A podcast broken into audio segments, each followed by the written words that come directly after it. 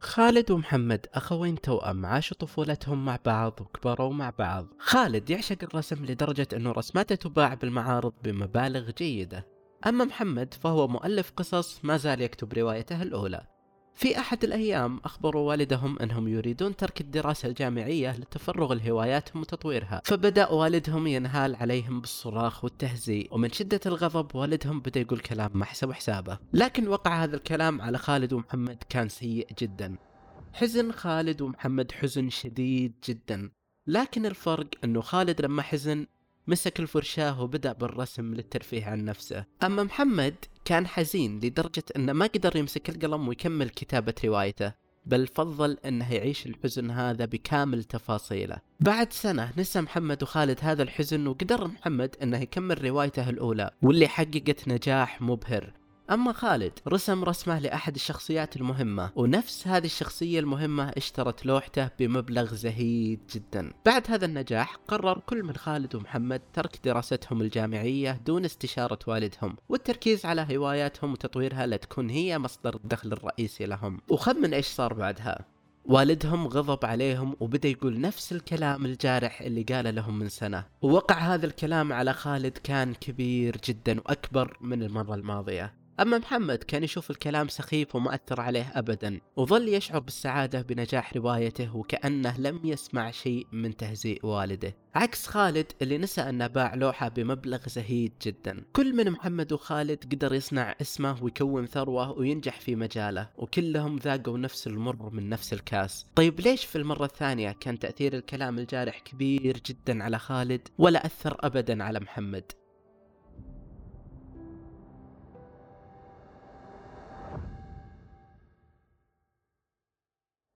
في الجهة المقابلة من العالم. كانت سارة تشتاق لطليقها اللي أحبته بشدة وطلبت منه الطلاق بنفسها وكانت تدري إنها حتى لو رجعت له ما راح ترتاح معه ابدا بل راح ترجع حالتها أسوأ من قبل. إذا كانت سارة تعلم إنه طليقها ليس الرجل المناسب لها وأنها لا تريد الحياة معه فلماذا الحنين اذا كل حب باق وكل حزن باقي. كل شعور يكبت في الأعماق ويبقى دفينا هناك في بقعة منسية بين الوعي واللاوعي حيث تلتقي كل المشاعر المنسية التي ظننا أنها رحلت ولم ترحل.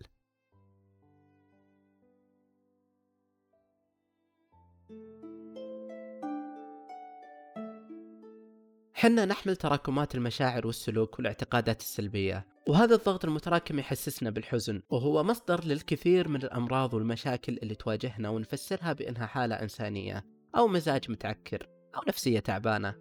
مهما كان التفسير بالنسبة لك يظل السبب الوحيد خلفه هو أنك خايف.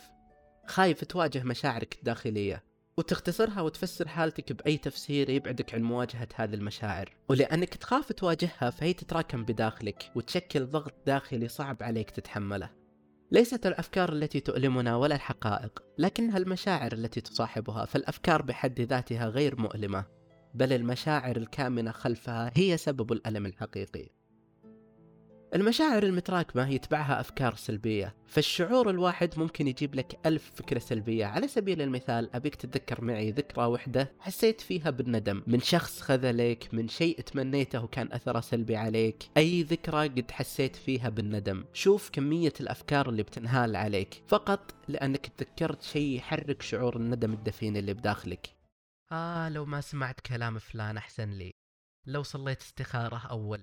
لو اشتريت سيارة وكالة بدال المستعمل.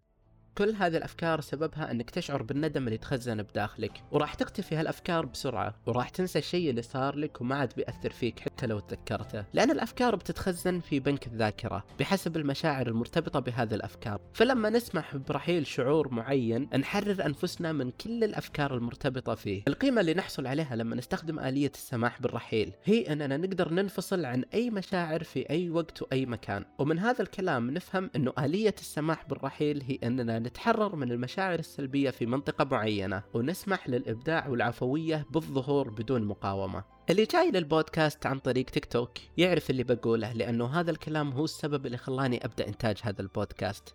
تكلمت باختصار شديد جدا عن الطرق اللي نتعامل فيها مع مشاعرنا. الغالبية العظمى مع الناس تتعامل مع مشاعرها بثلاثة طرق كلها خطأ. الطريقة الأولى هي القمع والكبت. هذه الطريقة هي أكثر طريقة استخدام لأنها أسرع طريقة لدفن مشاعرك في الداخل. لما تزعل من صديقك أو تزعلين من صديقتك وفجأة في وسط الزعل تجيك عزة نفس وتقول ما عاد يهمني هالشخص غيرك كثير مو آخر صديق بالكون. أصلا هو اللي خسرني وأنا أكبر من إني أجلس معاه. هذه الطريقة تقمع فيها شعورك وتدفنه في ذاكرة الأفكار المرتبطة فيه. لما تبدأ تكرر آلية القمع مرة وثنتين وثلاثة بتوصل لمرحلة استخدامها بشكل غير واعي. وهذه هي هي آلية الكبت إنك تقمع مشاعرك من غير وعي. الطريقة الثانية هي آلية التعبير. أو تقدر تسميها التنفيس أو الفضفضة. من خلال آلية التعبير يتم التنفيس عن مشاعرك والتعبير عنها من خلال لغة الجسد ويتم التعبير عنها بطرق لا متناهية مثل الملاكم اللي يبدأ يفرغ غضبه على كيس الملاكمة أو لاعب الكرة اللي يبدأ يسدد رميات عشوائية يفرغ فيها غضبه أو أي طريقة تخطر على بالك أنت تستخدمها حتى تعبر عن مشاعرك. من المقولات اللي رسخت في ذهني الدموع هي مشاعر ضاق بها الجسد فسقطت. البكاء من الأساليب الدارجة للتنفيس عن الشعور ودفنه في الأعماق خصوصا عند النساء وما هو استنقاص فيهم قد ما هو اختلاف في طرق التعبير عن المشاعر. ودائما ما تكون عندك الصديقة اللي تقول لك لا تبكين فضفضي لي وتسمعين كلامها وتفرغين لها كل اللي بخاطرك وتلاحظين أنها بدأت تفضفض لك وتبكي معك وتقول لك عادي ما عليك. كلنا مرينا بنفس الظروف. أما الشباب يميلون أكثر للهروب والغضب. دائما ما تسمع صديقك ذاك اللي دمه حامي وأي غلطة ترفع ضغطه وتخليه يعصب ويرفع صوته. ولأن صاحبك يخاف يواجه هذه المشاعر فهو دائما يفسرها بأنه هو نفسه شخص عصبي وهذه هي شخصيته وطبيعته. التنفيس والتعبير بكل أنواعه يدفن مشاعرك في داخلك ويثير المشاعر المدفونة بداخل الأشخاص المستقبلين للتعبير. هذا هو السبب اللي يخليك تحن على شخص قاعد يبكي أو تحزن على شخص قاعد يفضفض فضلك أو تغضب على شخص رفع صوته معك لأن التنفيس عن هذه المشاعر بالغضب أو البكاء يثير المشاعر المدفونة وتبدأ تظهر عليك وتتفاعل معها. الطريقة الثالثة هي الهروب من المشاعر تجنبك لمشاعرك كل اللي يسويه أنه يدفن الشعور في داخلك. فيه ناس لما يشعر بالحزن يبدأ يشوف فيلم أو يطلع مع أصحابه أو يدخن أو يهرب ويغوص في عالم من صنع خياله ويعيش فيه وفي ناس فعلا كذا. أنا شخصيا في فترة من الزمن كنت إذا حزنت أشغل البلاي ستيشن وألعب لعبة ورا الثانية لين يعبر الحزن وأرجع لطبيعتي. أو كذا كنت أعتقد. كانت أي كلمة صغيرة تأثر فيني. بل وصل فيني الضغط إني أتذكر أي شيء زعلني من الماضي وأزعل عليه وكأنه صار الآن. كل هذه الطرق اللي تستخدمها حتى تتجنب مشاعرك هي مجرد مسكنات لآلام مزمنة. فعالة لفترة بعدها يعود الألم من جديد. مهما كانت الطريقة اللي تهرب منها من مشاعرك راح تظل شايلها معك من غير ما تحس. كبت هذه المشاعر وزيادة الضغط الداخلي يسبب نوع من التوتر. ولعلك لاحظت اليوم إنك أكثر توتر من أي وقت مضى أو إنك ترمي اللوم على الناس وتقول هذا اللي تسبب بحزني وهذا اللي زعلني وهم المذنبين وأنا ضحية وما تدري إنك كنت حزين من البداية. كل اللي سواه هذا الشخص إنه حرك الحزن اللي بداخلك وأنت بديت تفرغ الضغط الناتج بإلقاء اللوم على هذا الشخص. مشاعرك لما تتحرك تبدأ تأثر على نظرتك للعالم. لما تكون حاس بالذنب بتشوف الناس كلهم مذنبين. لما تكون خايف بيصير العالم أكثر خوف وسوداوية من الواقع. إذا سمحت لهذه المشاعر بالرحيل بتشوف العالم طاهر ونقي مثل ما هو بالواقع. يفضل العقل المنطقي أن يترك أسباب هذه المشاعر الخارجية خارج نطاق الوعي ويستخدم آلية الأسقاط. اللي يلوم فيها الأسباب والأشخاص ويشوف أنه هو الضحية. بيقول فيها هذا الشخص أربكني أقلقني جلطني خوفني. والواقع أنه المشاعر المكبوتة تحاول تلقى طريق حتى تطلع وتستخدم الأحداث الخارجية كعذر أو متنفس لها. فلما يحدث أي محفز خارجي مهما كان بسيط بتبدأ المشاعر بالظهور وبتتبعها أفكار تعزز هذه المشاعر للظهور. السماح بالرحيل يعني إدراك شعور ما والسماح له بالظهور والمكوث معه. أن تسمح لهذا الشعور بأن يأخذ مجراه دون تغيير أو القيام بشيء اتجاهه. يعني أنك تسمح للشعور بأنه يكون موجود هنا وتركز على التخلص منه ومن الطاقة اللي تكمن خلفه عن طريق عدة خطوات. الخطوة الأولى أن تسمح لنفسك أن تشعر الشعور بدون مقاومته أو الهروب منه أو الخوف. يعني أنك تسقط كل الأحكام اللي تحكمها على الشعور وتشوفه على حقيقته.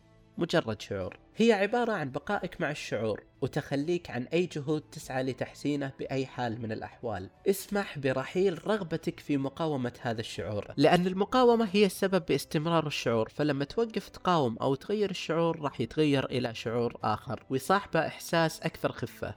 وراح يختفي الشعور وتختفي الطاقة اللي تكمن خلفه. ولما تبدأ العملية راح يصاحبك شعور من الذنب والخوف. بسبب وجود هذه المشاعر وراح يصاحبها مقاومة للشعور. حتى تسمح للشعور أنه يظهر فالأفضل أنك تسمح برحيل ردة فعلك اتجاه الخوف والذنب أولا ثم الشعور اللي أنت مركز عليه. ولما تبدأ تسمح بالرحيل تجاهل كل الأفكار اللي تراودك تركز على الشعور بحد ذاته.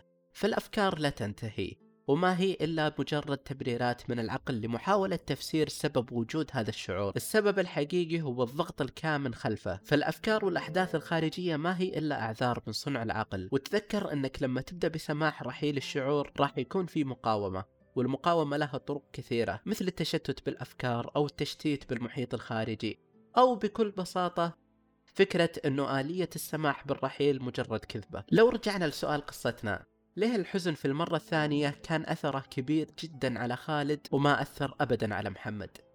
لأنه محمد في المرة الأولى استخدم آلية السماح بالرحيل بدون علم وعاش الشعور مثل ما هو وسمح له بالرحيل عكس خالد اللي هرب من الشعور بممارسة هواية الرسم.